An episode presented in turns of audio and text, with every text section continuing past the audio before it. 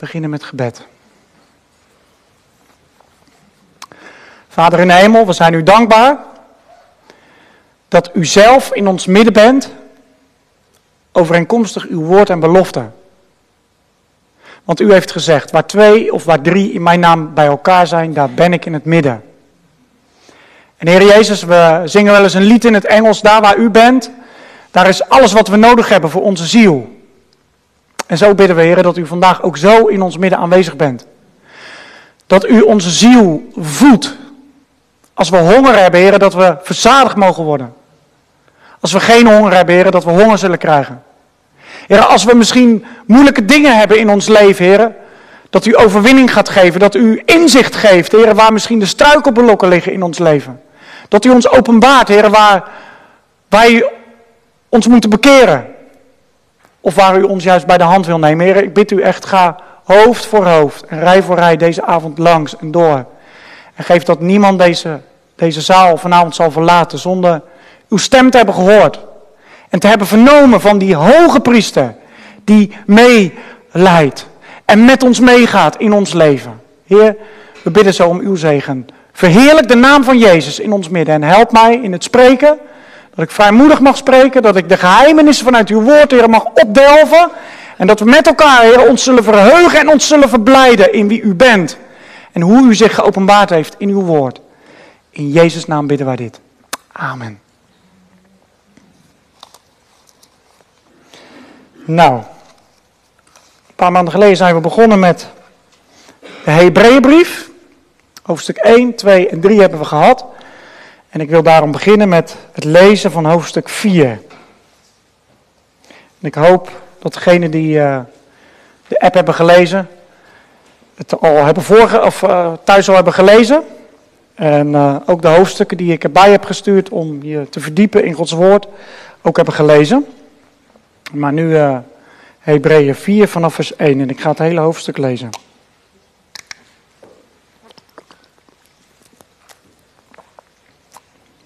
Laten wij er dan beducht voor zijn dat iemand van u ooit schijnt achter te blijven, terwijl de belofte om zijn rust binnen te gaan nog van kracht is.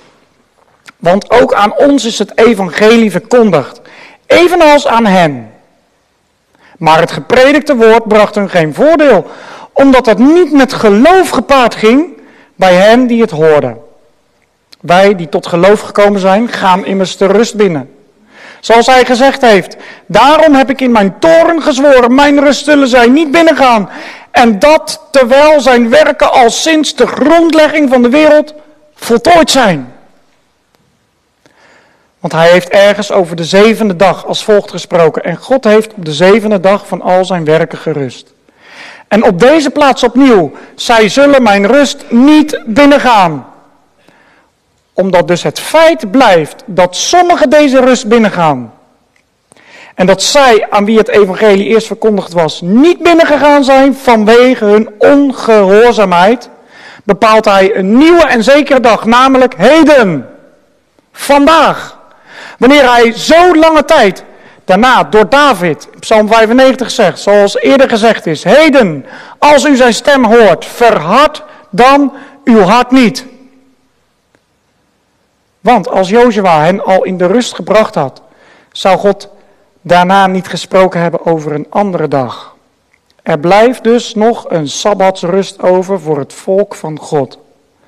Want wie zijn rust binnengegaan is, die heeft zelf ook van zijn werken gerust, zoals God van de zijne. Laten wij ons dan beijveren om die rust binnen te gaan, opdat niemand door het volgen van dit voorbeeld van ongehoorzaamheid ten val zal komen. Want het woord van God is levend en krachtig en scherper dan enig tweesnijdend zwaard. En het dringt door tot op de scheiding van de ziel en de geest, van gewrichten en merg. Het middelste van je bot. En het oordeel, de overleggingen en gedachten van het hart. En er is geen schepsel onzichtbaar voor hem. Maar alles ligt naakt en ontbloot voor de ogen van hem aan wie wij rekenschap hebben af te leggen. Nu wij dan een grote hoge priester hebben. Die de hemelen is doorgegaan. Namelijk Jezus, de Zoon van God. Laten wij aan deze beleidenis vasthouden. Want wij hebben geen hoge priester die geen medelijden met ons hebben zal, in onze zwakheden. Maar één die in alles op dezelfde wijze als wij verzocht. Maar zonder zonde. Laten wij dan met vrijmoedigheid naderen tot de troon van genade. Opdat wij barmhartigheid verkrijgen. En genade vinden om geholpen te worden op het juiste tijdstip of het juiste moment. Hebreeën 4. Ik heb er eigenlijk boven gezet vandaag de rust of ingaan in de rust die God belooft. Laten we heel kort even teruggaan naar hoofdstuk 1. Hoofdstuk 1 was begonnen. God had op vele wijzen, op vele manieren gesproken tot de Vader, maar tot ons heeft Hij gesproken door Zoon. Dat staat er letterlijk. Door de Zoon. En de Zoon heeft Hij uitgeschilderd als degene die gezet is boven de engelen. Als degene die macht heeft over alles in ons leven. Hij heeft gezegd in hoofdstuk 2, wat doen wij als wij op zo'n grote zaligheid, op dat heerlijke evangelie van Jezus Christus geen acht slaan, als wij die woorden van Hem in de wind slaan. Hij is verder gaan uitdiepen wat Jezus is boven de engelen. Hij, eh, we hebben gezien dat wij het nu nog niet zien, maar wij zien Jezus met eer en heerlijkheid gekroond. En hij is begonnen om iets aan te stippen over een hoge priester. Die met ons meeleidt en die ons verlost uit de angsten en de machten en het kwaad en de slavernij waar we aan onderworpen waren. Toen kwamen we terecht in hoofdstuk 3. Heeft hij iets gezegd dat Christus hoger was dan Mozes? En hij heeft ons een waarschuwing meegegeven om te volharden om te letten op het volk van Israël dat de woestijn in was gegaan en niet inkwam in de rust. Er was dus dat moment dat zij in Kades Barnea kwamen. Degene die het hoofdstuk hebben gelezen, nummerie, die weten wat ik bedoel. Kades Barnea. En kinderen, ik wil dat jullie even opletten. Ik zal het verhaal voor jullie eerst vertellen dan is het voor de ouderen ook gelijk simpel wat ik straks bedoel met de rust. Ik ga eventjes een uitstapje maken terug naar het Oude Testament.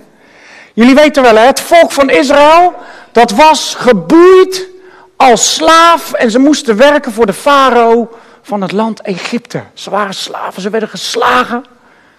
Maar God had op een machtige wijze met tien plagen hen uit het land Egypte gehaald. Hij had hen door de Rode Zee geleid. Hij had hen gebracht bij de berg Sinaï. Hij had een wet gegeven. Wauw, wat had God machtige dingen gedaan. Er was een wolkolom elke dag boven hen die een schaduw gaf. Dat de hitte van de zon er niet brandde. En hij had een manna gegeven. Eten uit de hemel. Ze konden s'morgens de tent open doen. En ze konden het zomaar oprapen. Ze konden het bakken. Elke dag gaf God nieuw brood, manna. Een psalm zegt het heel prachtig. Zij werden dagelijks begenadigd met manna, hemelsbrood, verzadigd. Prachtig. En dan nog dat water. God gaf water, dat bittere water, Mara. Hij gooide er een hout in en het werd zoet water. Er kwam water uit de steenrots. Wat had dat volk van Israël machtige dingen beleefd en meegemaakt. Toen stonden ze daar voor dat land. En God had gezegd, ik zal jullie geven een land overvloeiend van melk en honing. Met andere woorden, een land vol zegeningen. Nou, jullie zouden bijna denken natuurlijk, zeker de kinderen, als je zoveel machtige dingen hebt meegemaakt. Als je een wolk hebt die je de weg wijst, die in de nacht vuur en licht geeft en als je elke dag zomaar je tent open doet en je kan brood rapen en je hebt zien donderen en bliksemen, de zee is voor je open gegaan. Nou, dan ben je toch nergens bang meer voor? Dat zou je toch denken? Als God heeft gezegd, ik ga jullie dat land geven, Nou, dan zijn toch die, die 1 miljoen, die bijna die 2 miljoen mensen, die Israëlieten, die gaan toch fluitend tot land binnen. Toch? Dat zou je bijna denken. En dat hoofdstuk wat ik jullie heb laten lezen, dat ging als volgt. Er waren twaalf verspieders, dat weten jullie wel hè. Mozes had gezegd, jullie gaan dat land binnen. En jullie moeten in dat land gaan kijken, is het een mooi land, is het vruchtbaar, is er fruit, zijn er vruchten, neem dan daar wat van mee. Uh, zijn er steden, zijn het sterke steden of zijn ze slap? Wonen er sterke mensen, wonen er veel mensen? Nou, dan gingen ze twaalf verspieders. En ze gingen veertig dagen het land in. En ze kwamen terug, twee mannen droegen een stok en daartussen kwam een enorme druiventros. Het was niet eens te tillen, zo rood, dat ze met z'n tweeën moesten dragen. En dan komen die twaalf mannen terug en het volk heeft vol spanning af zitten wachten. En dan komen ze veertig dagen weg geweest. En dan komen ze tien, die hebben geen moed meer. Weet je wat ze hebben gezien? Ze hebben reuzen gezien. Wauw. Mannen van meer dan drie meter lang. Allemaal Goliaths. Een stad vol met reuzen en daaromheen allemaal reuzen. En steden jongens zo sterk. Met dikke muren eromheen. Ja, dat land, dat, dat kunnen we nooit veroveren. Tien mannen van de twaalf. En twee, Joshua en, wie weet het? Joshua en? Caleb. Joshua en Caleb, die twee namen moet je nooit meer vergeten. Joshua en Caleb. Zij zeggen, nee, luister nou niet naar die tien. God heeft gezegd, God heeft beloofd dat hij ons dat land zal geven. Hij heeft, kijk nou eens, denk nou eens na. Jongens, hij heeft ons uit Egypte geleid. Hij heeft de zee voor ons laten opengaan. Niks was voor hem te wonderlijk of te moeilijk. Hij gaat ons dat land geven. Die ene joh. Kijk er niet naar. Kijk naar wat God gezegd heeft. Vertrouw op wat hij beloofd heeft. Maar dat volk, dat machtige miljoenenvolk, die luisteren niet naar die twee, maar die luisteren naar de tien. Wat een droevige geschiedenis. God straft hen en zij moeten veertig jaar voor straf in de woestijn gaan rondwalen. En iedereen die bij zijn volle verstand was, dus boven de twintig jaar, die is dat land niet binnengegaan. Op twee na. Wie waren dat? Jozua en Caleb. lees het met me mee. Deuteronomium 1. Deuteronomium 1.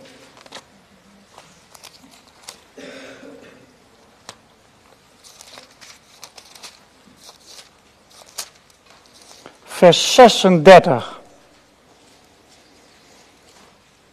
Ik begin bij vers 35.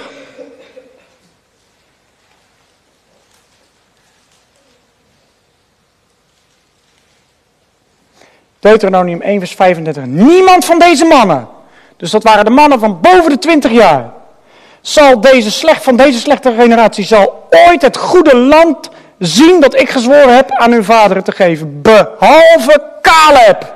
Wauw, daar komt die naam weer. De zoon van Jefune, die zal het zien en aan hem zal ik het land geven dat hij betreden heeft. En aan zijn kinderen, omdat hij erin vol hart heeft hem te volgen. Oké, nu hebben we Hebreeën 3 gehad. Caleb en Jozua waren degenen die volhard hadden in het volgen van de Heer. Oké, gaan we dit even onthouden? Ik ga een klein uitstapje maken. Ik ben opgevoed en ik ben bang dat velen van jullie ook zo opgevoed zijn met de gedachte: als christen hebben we geleefd in de zonde, Egypte. We zijn verlost, we zijn gebracht onder de wet, we hebben een ontmoeting gehad. We hebben gezegd, ja, wij kunnen voor God niet leven. God heeft ons de tabernakel gegeven, de Heer Jezus, het offer. We hebben het offer van de Heer Jezus aangenomen, we hebben vergeving van zonde gekregen. Nou, het leven is wel eens moeilijk. Het leven is als een woestijnreis. En dan, nou, dan komt nog die moeilijke Jordaan, genoemd de doodsjordaan, maar dan komt het land van de belofte. Het land van de rust. Dat is na de dood de hemel. Toch? Zijn jullie ook zo opgevoed? Ik wel. De hemel, dat is Canaan. Oké, nu ga ik vertellen wat ik wil vertellen. Dat is niet het juiste beeld of datgene wat de Bijbel schetst. Ik ga zo terugkomen in Hebreeën 4. Maar wat gebeurde er op het moment dat zij binnenkwamen in het land Canaan? Wie van de kinderen kan het vertellen? Wat gebeurde er eerst? De, de, de, de, de zee of, of eh, de, de rivier de Jordaan ging open en toen kwamen ze voor een hele grote. Nee, ja, een mooi land. Muur, ja, muur. De muren van? De muren van Jericho. Jullie weten dat wel, hè? En um, wat moest daar gebeuren in het land Canaan nadat God Jericho had in laten storten? Wat moesten de Israëlieten doen? Wie weet het? Ja, ze moesten het hele land in bezit gaan nemen. Dus ze moesten oorlog gaan voeren. Ze moesten gaan strijden. Nou, dat zou wel heel vreemd zijn als wij straks in het land van de belofte komen en wij moeten nog gaan strijden. Dus daarom wil ik terug gaan straks naar Hebreeën 4. Ik geloof niet dat het land van de belofte voor ons de hemel is, maar dat het land van de belofte vandaag, hier en nu, te verkrijgen is, precies hetzelfde zoals de Israëlieten het land binnengingen. Het land van de rust. En dat heeft alles te maken niet met dat wij niks doen, maar dat wij rusten op zijn woord en op zijn belofte. Denk aan Jozua en Caleb. Goed, we gaan, ik ga er straks op terugkomen. We gaan nu proberen Hebreeën 4 binnen te gaan. Laten wij er beducht voor zijn dat iemand van u ooit schijnt achter te blijven. Het kan dus zo zijn dat we in de gemeente soms zo, zo bezig zijn met leven. En we zien een broeder of een zuster en, en we denken misschien, die komt maar niet verder. Die, ja, hij is uit Egypte getrokken. Hij heeft zich bekeerd. Hij heeft de Heer Jezus aangenomen. Prachtig. We waren allemaal in de gloria. We hebben gejuicht voor die, voor die, voor die ziel die, die tot, tot geloof kwam. Maar ergens, hij blijft maar in die woestijn. En wat een hoop moeite, wat een hoop zorg in het leven van je broer van je zuster. Laten we er dan beducht voor zijn dat niemand daar in de woestijn blijft. Maar laten we als gemeente, denk terug aan Hebreeën 3, elkaar elke dag vermanen. Zodat we met elkaar het land van de rust binnengaan. Het land van de belofte. Niemand van u moet achterblijven. Maar iedereen moet komen vandaag, hier en nu, in het land van de belofte. Dat we niet als christen straks als een woestijnchristen sterven. Maar dat we leven als iemand die in de rust was binnengegaan. Want het einde van hoofdstuk, eh, vers 1 zegt, terwijl de belofte om zijn rust binnen te gaan nog van kracht, van kracht is. Die belofte krijgen we dus allemaal mee. Die is nog van kracht. Wauw. Als u zegt, ik ervaar nog geen rust in mijn leven. En ik heb nog een hoop moeite in mijn leven. En ik heb nog een hoop te overwinnen. Dan ga je vandaag naar huis en heb je deze belofte in je zak. De belofte is nog steeds van kracht. Namelijk dat u de rust kan binnengaan. Vers 2. Want ook aan ons is het evangelie verkondigd. Evenals aan hen. Dat hele miljoenenvolk had allemaal die belofte gekregen. Slechts twee van de volwassenen zijn er binnengekomen. Wie waren het ook alweer? Weet jullie het nog? Joshua en Caleb. Van het miljoenenvolk waren er maar twee. God had in zijn toren gezegd: Zij zullen mijn rust niet binnengaan. Waarom niet? Omdat zij er niet in volhard hadden. Omdat zij ongelovig waren. En ongeloof is hetzelfde als wat we, het woord wat we straks tegen gaan komen. ongehoorzaamheid. Maar dat gepredikte woord heeft hun geen nut gehad. Ze hebben het gehoord met hun oren en ze hebben er geen geloof aan gehecht. Ze hebben Gods beloftes niet vastgegrepen. En ze zijn er niet meer naar God toe gegaan. En ze hebben niet tegen God gezegd: U heeft ons beloofd dat land binnen te laten gaan. En wat dan reuzen? Heer, dan moet u die reuzen maar verslaan, want wij kunnen het niet. Dan moet u die versterkte steden maar neerhalen, want wij kunnen het niet. Nee, ze hadden geluisterd naar de tien die ze moed hadden laten zakken. En ze keken naar de omstandigheden. En ze keken niet op zijn woord en op zijn belofte. Het gepredikte woord had hun geen nut gegeven, omdat het niet met geloof gepaard ging. Vers 3.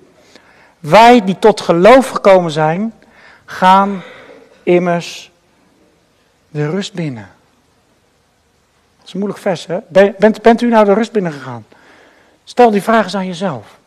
Ben je die rust binnengegaan? Heb je het offer van de Heer Jezus inderdaad omarmd? En zeg je, ja, Heer Jezus, u bent mijn Heer, u bent mijn koning, u bent mijn God, u bent mijn redder, mijn verlosser, mijn schuilplaats. U bent mijn goede herder, ja, amen. En blijft het daar dan bij? Of is Hij voor jou de Almachtige God die alles in je leven tot stand brengt?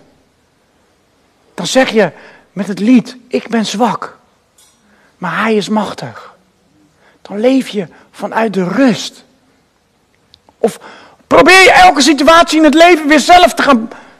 Hè, dan ben je de dag weer begonnen en. Oh ja, ik, ik moet dit en ik moet dat en. het lukt allemaal niet. Of zeg je, Heer Jezus, het lukt me allemaal helemaal niet. Dank u daarvoor, want het lukt me niet, maar u doet het. U geeft me kracht om vandaag voor mijn kinderen te zorgen. U geeft vandaag kracht voor de moeilijkste dingen waar ik niet tegenaan kan, waar ik, waar ik zo tegenop zie. Hij wil je die rust geven en hij wil leven, geven dat we uit die rust gaan leven. Want God leeft zelf ook in de rust. Hij geeft hier het voorbeeld van God heeft ook op de zevende dag gerust. Zou God hebben moeten rusten van datgene wat hij met zijn mond tot stand heeft gebracht? God had zes dagen nodig om de wereld, de hemel en de aarde, de mensen, de dieren, de zee, alles wat er op, op deze wereldbol en in het heelal te vinden is, gemaakt. Nee, God hoefde niet te rusten zoals wij moeten rusten als we een dag hard gewerkt hebben. Maar God nam de rust en ging genieten van zijn schepping. Zo wil, dat, zo wil God dat wij in het leven zijn. Dat we rusten en genieten van zijn schepping. Genieten van het offer van Jezus Christus. Genieten dat Hij alles in ons leven tot stand wil laten brengen. Datgene wat mij niet lukt, dat Hij het door mij heen wil doen. En soms moeten we daar onze handen voor gebruiken. Soms moeten we dus opstaan. Maar dan is Hij degene die onze handen kracht geeft. Dan is Hij degene die kracht geeft in onze voeten. Dan is Hij degene die ons bewerkt, het bewerkt in ons hele leven.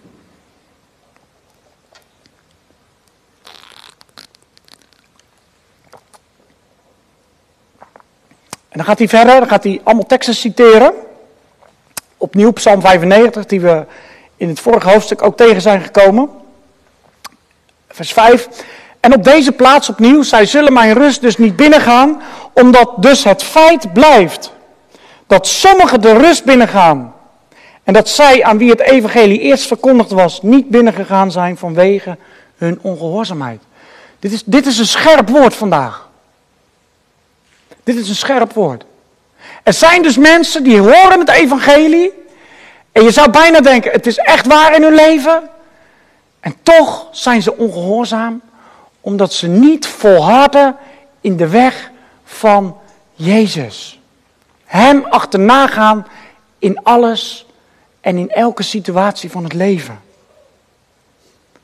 Omdat ze ten diepste ongehoorzaam zijn. Ze kijken naar de situaties in hun leven. Ze kijken naar de omstandigheden in hun leven en ze denken: nee, die kan ik niet aan. De schouders vallen naar beneden. En ze gaan de andere kant op. Terwijl God wil dat we juist die situaties ingaan en dat Hij er ons doorheen trekt.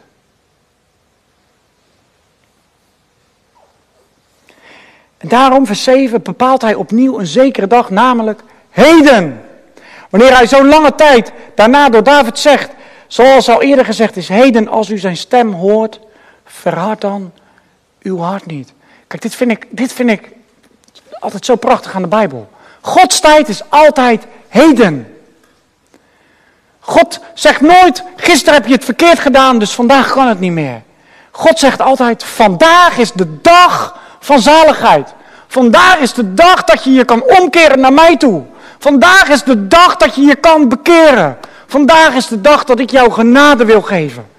Wil je je oor aan mij geven? Wil je je hart aan mij geven? Wil je je hele leven aan mij geven? Zodat ik het kan doen in jouw leven. Want als Jozua hen al in de rust had gebracht, zou God dan daarna niet gesproken hebben over nog een nieuwe rust, een sabbatrust. Ja, er blijft nog een sabbatrust over. Ik denk dat het hier wel over de hemel gaat, als ik de Bijbel goed interpreteer. Dat er dus wel nog een diepere sabbatrust overblijft voor het volk van God. Ja, hier op aarde mogen we leven vanuit de rust. Ik ben vrijgekocht. Ik hoef niks meer. Paulus zegt het in Korinthe van, ik mag alle dingen, alle dingen zijn alleen niet nuttig. Ik moet niks meer, maar ik wil alleen dat doen wat nuttig is. Ik jaag ernaar om Hem achterna te gaan, om de kroon van het leven te behalen. Maar wel vanuit de rust. Ja, aan de ene kant jagen. Waarom jagen? Omdat Hij mijn voeten kracht geeft. Omdat Hij mijn voeten snelheid geeft en focus geeft. Omdat ik zie op Jezus. Die enige hoge priester, wat we in hoofdstuk 2 al hadden gezien. Die gaan wij achterna. Hij maakt mijn voeten als de hinde. Vers 10, want wie zijn rust binnengegaan is, die heeft ook zelf van zijn werken gerust, zoals God van de zijne. Laten wij ons dan beijveren om die rust binnen te gaan. Opdat niemand door het volgen van dit voorbeeld van ongehoorzaamheid ten val zal komen. Dus wat wil God nou in ons leven vandaag de dag bewerken? Dat niemand van ons, en nou kijk ik naar mezelf als, en naar ons als oudste team, maar ook als jullie, als gemeente, vermaan elkaar elke dag. Zolang men van een heden kan spreken. Bemoedig elkaar elke dag. En neem elkaar mee. Als je een broeder ziet, ziet struikelen of ziet, ziet top in het leven. Bemoedig hem dan. Dat er nog een woord en een belofte van kracht is. Dat er een rust is voor het volk van God. Dat er een rust is waarin we mogen leven. Dat Jezus alles in ons leven wil doen. En daarom wil ik ook met jullie nog even naar nummerie, Jozua, sorry. Dan wil ik jullie laten zien wat, wat, wat, wat Caleb uiteindelijk gaat doen. Jozua, ik meen hoofdstuk 14. Ja.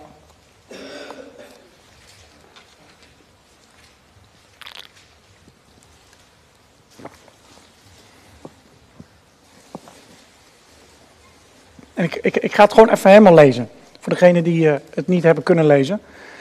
Omdat ze het niet wisten. Hoofdstuk 14 van Jozua, vanaf vers 6. Dit gaat dus over Caleb. Toen kwamen de nakomelingen van Juda bij Jozua in Gilgal. En Caleb, de zoon van Jefune de Kenezit, zei tegen Jozua... U weet zelf wat het woord van de Heer tegen Mozes, de man Gods, over mij en over u gesproken heeft in Kades Barnea. Dit is de belofte die we net gelezen hebben in Deuteronomium 1, vers 36. Ik was 40 jaar oud toen Mozes, de dienaar van de Heer, mij uit Kades Barnea instuurde uit om het land te verkennen. En toen ik hem verslag uitbracht, zoals het in mijn hart was. Maar mijn broeders, die met mij opgetrokken waren, dat waren dus die tien, deden het hart van het volk smelten. Ikzelf echter volhardde erin de Heer mijn God na te volgen. Kijk, dit is het voorbeeld wat we na moeten volgen. Erin volharden het voorbeeld van de Heer na te volgen. En wie moeten we dan navolgen? Jezus. Toen zwoer Mozes op de dag, het land dat uw voeten betreden hebben zal voor eeuwig voor u zijn en voor uw kinderen tot erfelijk bezit. Omdat u erin volhard hebt de Heere, mijn God, na te volgen. En zie, nu heeft de Heere mij in het leven behouden, zoals hij gesproken heeft. Het is nu 45 jaar geleden dat de Heere dit woord aan Mozes gesproken heeft, toen Israël door de woestijn trok. En nu, zie, ik ben vandaag 85 jaar oud. Dan zien wij een mannetje met een, met een stokje, een oud baardje, bijna een kreupel. Nee, hier staat iemand vol geloof. 85 jaar oud. Hij is gevormd door het leven. De hitte van de zon, de woestijn heeft zijn leven gekenmerkt. En op het netvlies heeft hij hoe hij was als, als, als, als 40-jarig jongetje. En, en nuljarig jongetje, hoe hij opgegroeid is in het land Egypte. Slaaf geweest. Door de Rode Zee. 40 jaar door de woestijn. En vijf jaar een overwinningsleven heeft geleefd.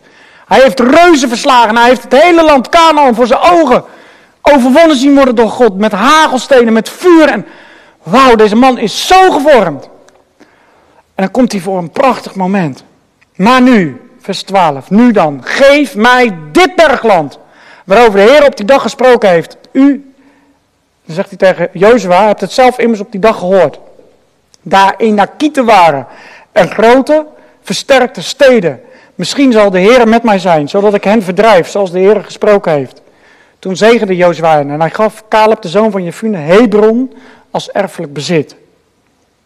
Daarom werd Hebron voor Caleb, de zoon van Jefune, de Kenaziet, tot erfelijk bezit op die dag, omdat hij erin volhard had de Heere, de God van Israël, na te volgen. De naam van Hebron was vroeger de stad Arba, die een groot man was onder de Enakieten. Dus zelfs onder de reuzen waren er nog grote mensen. En het land rustte van de strijd. Prachtig om te zien dat een man van 85 jaar niet het kleinste dorpje uitkiest met dwergen. Dat hij dacht, nou die kan ik makkelijk verslaan. Maar hij zegt, geef mij dit stuk, dit, deze stad, Hebron. En dat was niet zomaar een stad, dat was een stad waar één leider was, die was groot onder de reuzen. Dat was, dat was een superreus. Hij had een naam en hij was groot boven de reuzen. En dan zegt Caleb, een man van 85 jaar, die van alles heeft meegemaakt. Hij zegt, geef mij nou dat stuk land. Geef mij maar het moeilijkste gedeelte. De Heer zal met me zijn, zoals hij gesproken heeft. Kijk, dat is het leven waarom God ons wil hebben. Staand op de belofte van mijn Heer en God.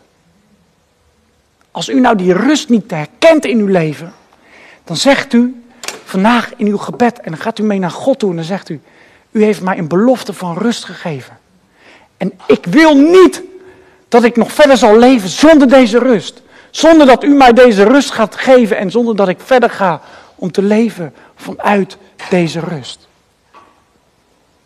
Dan gaat hij u maken als Caleb.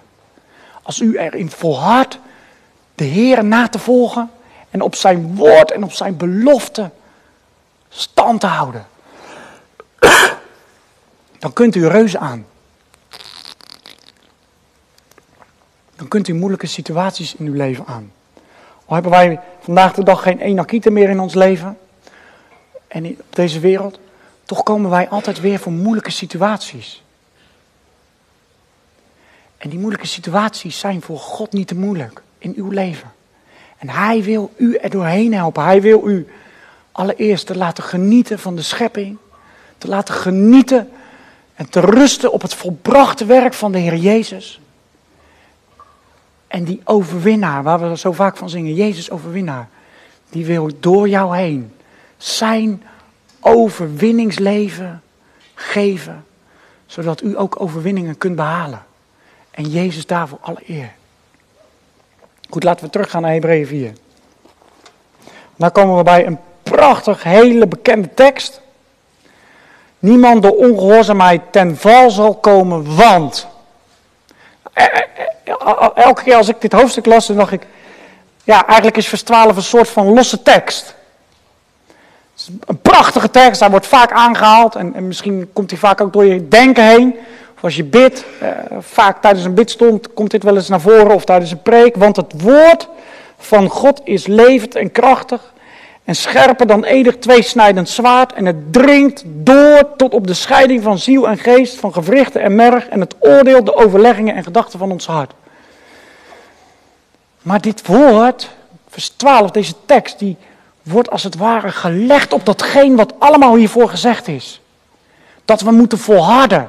Dat we erop toe moeten zien dat niemand achterblijft. Dat we erop moeten toezien dat we die rust binnengaan. Dat we elkaar elke dag vermanen. En dat woord van onze God. Want. Hou dat vast. Dus al deze beloftes die er zijn. En al dat woord, alles wat geschreven is door God. Want het woord van God is levend en krachtig. Laat ik eerst even kijken naar het woord woord. In het Grieks zijn er twee woorden voor het woord woord. Voor degenen die dat interessant vinden. Allereerst, hier staat het woord logos. Logos betekent eigenlijk het geschreven woord. Johannes 1, die kennen we natuurlijk allemaal. Die begint, in de beginnen was het woord staat het woord logos. In het begin was de logos. En het logos was God. Dit was in het begin bij God. Dus het woord, en dan zegt hij water, het logos is vlees geworden. Daar wordt eigenlijk mee bedoeld de hele Bijbel, met name zeker hier vandaan nog het Oude Testament, het logos, het, het geschreven woord. Ja? Onthoud dat. Het woord logos. En dan is er nog een ander woord, het woord rema. Dat komt voor in uh, Romeinen 10, waar bijvoorbeeld staat: Nabij u is het woord in uw mond en in uw hart. En het woord rema betekent eigenlijk het gesproken woord of het gepredikte woord. Nabij u is het woord, is het rema. Nabij u is het gepredikte woord in uw mond en in uw hart. Dat is het woord, dat is het rema wat wij prediken. Nou, je mag dit vergeten, maar onthoud hier het geschreven woord. Dus niet het woord wat gepredikt wordt, niet het woord wat ik verkondig, maar het geschreven woord. Deze Bijbel die Bijbel die u op schoot hebt, of op je tablet of op je telefoon. Dit woord is zo levend en zo krachtig. Het is eeuwig en het is vlees geworden. Dit woord heeft dus gestalte gekregen in Jezus Christus zelf. Dit eeuwige woord wat er vanaf het begin was. Johannes 1. In de beginnen was het Logos. En het logos was bij God en het woord, het logos was God en het logos is mens geworden. Dit woord, het Oude Testament, de beloftes die er van kracht zijn, is zo levend en zo krachtig, zelfs anno 2020, is het zo krachtig dat het dwars door je heen gaat. Dat het jou openbaart waar de zwakke plekken in je leven liggen. Dat het openbaart waar de zonden liggen. Zoals het zegt, het overlegt, het oordeelt de overleggingen van het hart. Het snijdt van één wat niet goed is in jouw leven. Het gaat dwars door je heen. Daarom is het woord en het evangelie vaak ook helemaal niet fijn. Want het zegt dat we ons moeten bekeren. Het zegt dat we onze zonde achter ons moeten laten. En dat we een nieuwe focus moeten hebben. Achter Jezus aan.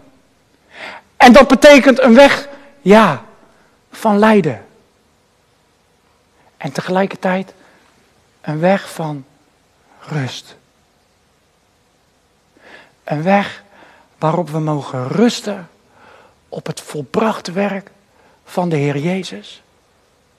En dat Hij zijn opstandingsleven, zijn goddelijke opstandingsleven door ons heen wil uitwerken.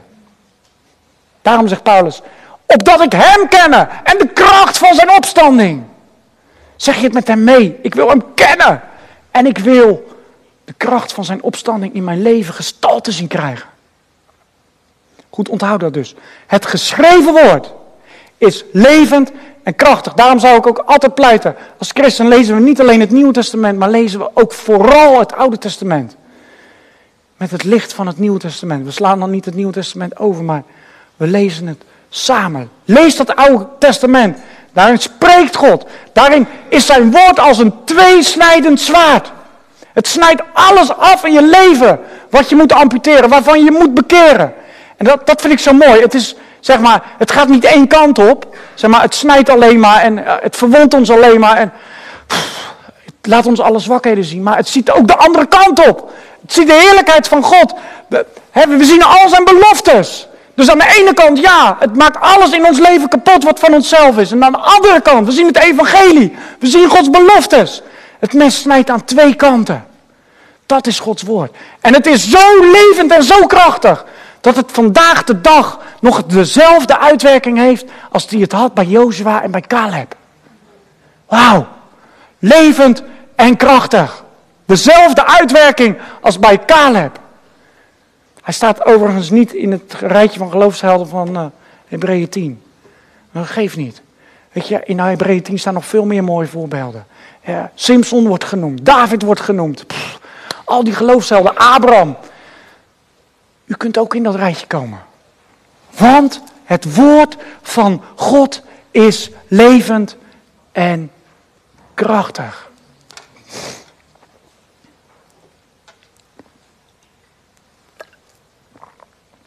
En er is geen schepsel onzichtbaar voor die God. Die God die mens werd. Die God die de Bijbel was, die het gesproken woord heeft gegeven, wat vlees is geworden en niets is voor hem onzichtbaar. Zelfs mijn cd-speler was voor hem niet onzichtbaar. Eh, eh, snap je wat ik bedoel? Er is geen detail in het leven wat hem niet zichtbaar is. Hij wil in alle situaties jouw koning zijn, jouw heer zijn. En alles ligt naakt en kaal voor Hem. En wij hebben straks aan Hem rekenschap te geven. Ook voor deze avond. Als u vandaag dit woord heeft gehoord. En als u de belofte heeft gehoord om zijn rust binnen te gaan. En u bent ongehoorzaam. Dan zal God straks deze avond naar je terugkomen en zal hij zeggen: Ik heb jou een belofte gegeven. En jij hebt geen geloof gehecht aan dit levende en krachtige woord. Maar je hebt erin volhard om mij de rug toe te keren. Om je niet te bekeren. Nou, bij mij staat er nu een kopje boven. Vrijmoedig naderen. En we zouden bijna denken, er begint iets nieuws in deze brief. Of in dit hoofdstuk. Maar nu, nadat hij dit allemaal heeft gezegd, slaat hij eigenlijk terug op wat er is gezegd. Uh, hij is begonnen in hoofdstuk 2 over die grote hoge priester. Of uh, hoofdstuk 3. Uh, da daar stond, daarom heilige broeders, deelgenoten, vers 1 aan de hemelse roeting, let op de apostel en hoge priester van ons beleidenis. Dus onthoud dat goed. Dat hadden we in hoofdstuk 3 gezien. Nou, let op hem. Hij was getrouw. En terwijl hij getrouw was, heeft hij de hele situatie uitgelegd van het volk van Israël. Dat we ons moeten volharden om hem na te volgen. Dat hij getrouw is, dat we elkaar moeten vermanen. Hij heeft nu uitgelegd wat het is om de rust binnen te gaan. En nu komt er eigenlijk als het ware. Nu wij dan een grote hoge priester hebben, die de hemelen is doorgegaan, namelijk Jezus, de Zoon van God. Nou, de hoge priester was in het Oude Testament onder het volk van Israël heel bekend. De eerste was Aaron. Hij was degene die één keer per jaar het heilige der heiligen mocht binnengaan. Met bloed. En weet je hoe dat ging? De kinderen weten het wel, hè? Als je de, de, de tabernakelplein opkwam, dan ging je door de deur. Jezus zegt, ik ben de deur. Dan kwam je tegenover het altaar. Het brandoffer. Daarop werden lammeren geslacht. Jezus is het lam. Daarna werden we gewassen in het wasvat, dat is het woord. Jezus zegt, als ik je voeten heb gewassen, dan is het genoeg. Jullie zijn rein door het woord dat ik tot jullie heb gesproken. En dan kwamen we de tempel binnen of de tabernakel en dan, dan stond, daar, stond daar een tafel met toonbroden. Jezus, het avondmaal. Daar is het licht, de kandelaar. Daar was het reukwerk, het gebed van de hoge priester, de Heer Jezus Christus zelf. Die zijn gebed bij de Vader brengt. Dat rook heerlijk. En dan was er een gordijn. En achter dat gordijn, dat was het allerheiligste, het geheilige der heiligen. En wat stond daar? Wie van de kinderen weet dat? De ark van het verbond. Dat was zo'n heilige plek, daar kon niemand komen. Maar één keer per jaar moest daar verzoening worden gedaan. En dan kwam de hoge priester met een schaal bloed. En dan moest hij het gordijn opzij trekken. Dat was het bloed van het lammetje wat net achter zich was, was geslacht. En dan moest hij met een kwastje hieswop, moest hij dat zo op de grond spelen. En het moest, dat bloed moest voor hem uitgaan. Hij moest achter dat bloed blijven. En dan kwam hij met dat bloed. En dat besprenkelde hij. En dan zo deed hij verzoening voor het hele volk. En dat is wat hij hier zegt. Wij hebben een hoge priester die de hemelen is doorgegaan. Met zijn bloed. Hij heeft aan de Vader zijn, zijn wonden getoond. Het bloed wat uit zijn zij is, is gestroomd. Wat uit zijn rug door de geestelslagen is gekomen. Hij heeft het bloed aan zijn vader laten zien. hij heeft gezegd, ik maak voor jullie een verse weg. Een levende weg. De hemel is voor ons geopend, omdat wij nu een hoge priester hebben, die de hemelen is doorgegaan. Namelijk Jezus. Zeg het met me mee, het is mijn Jezus. Het is mijn hoge priester. En waarom gingen mensen naar een hoge priester toe? Om te vertellen dat ze gezondigd hadden en dat ze zoveel moeite hadden in het leven. En deze hoge priester is geen hoge priester die zegt, nou jong, ik zal een gebedje voor je uitspreken. Het is inderdaad heel moeilijk wat je in je leven meemaakt. Nee, deze priester leidt met u mee. Vers 15. Wij hebben geen hoge priester die geen medelijden met ons kan hebben. Geen hoge priester die niet weet waar je het over hebt. Dat, dat kun je misschien, misschien wel met mij zelfs.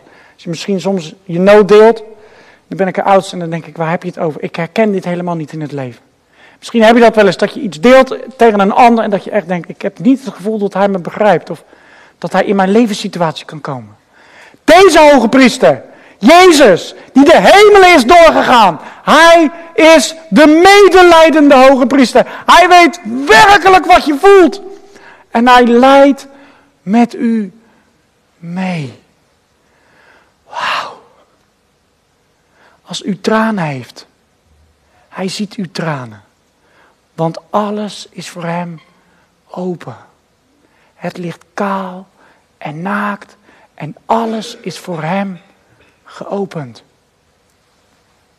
Hij kent onze zwakheden. Zelfs als je naar Caleb kijkt en je denkt, die man, daar ga ik nooit komen. Hij kent uw zwakheid. En we hoeven ons voor hem niet te verstoppen. We hoeven, we hoeven onze rug niet naar God toe te, en, en ons te schamen dat we dat geloof niet hebben. Maar we mogen juist met ons ongeloof naar deze hoge priester toe gaan. Die voor ons bidt bij de Vader. Omdat hij de hemel is doorgegaan. Omdat hij zit aan de rechterhand van de Vader. En hij zelf is verzocht geweest in dezelfde verzoekingen als wij. Maar zonder, zonde. Hij heeft stand gehouden. En hij heeft diezelfde verzoeking ervaren die u, u ervaart in het leven. Hij heeft ook moeite gehad. Hij heeft te maken gehad met afwijzing in zijn leven. Er is geen nood in uw leven waar Jezus niet in mee kan komen en niet in mee kan leiden. Laten wij dan met vrijmoedigheid naderen tot de troon van genade. Laten we van deze weg gebruik maken.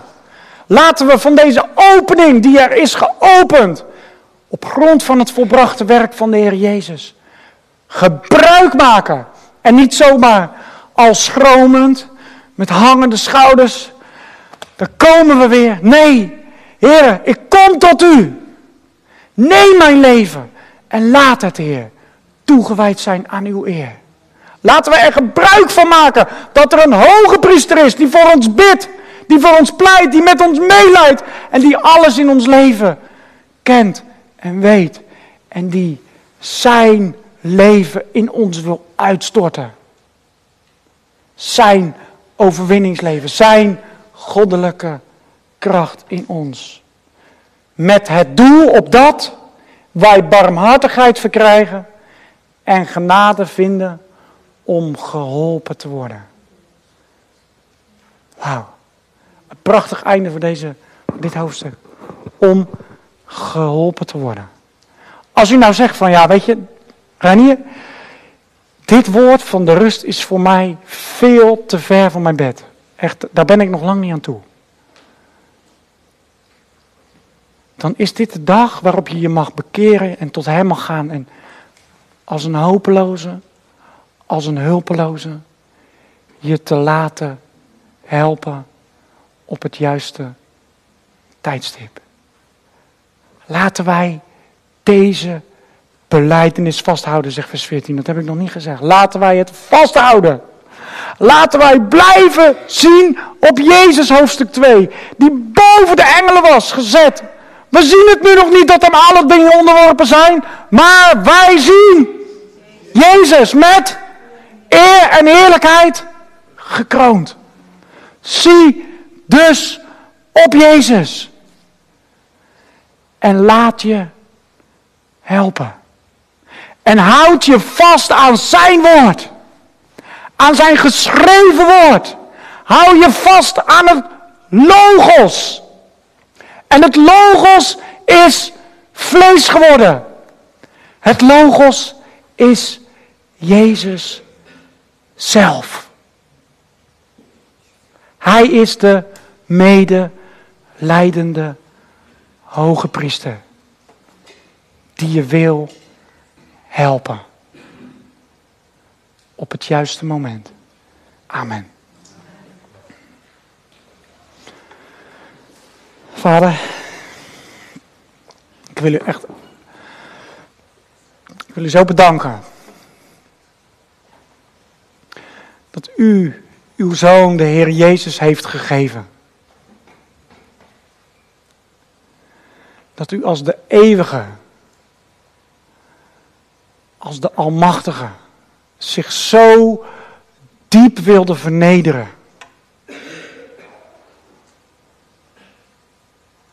Dat u mens wilde worden. Dat u aan de schepping zelf deelachtig zou willen worden. En u heeft het gedaan. U bent zelfs de minste van alle mensen geworden. Om ons uit de diepte vandaan op te trekken. En om ons te verhogen tot uw kinderen. En om ons in de rij van koningen en prinsen te zetten. Heer Jezus, dank u voor uw offer.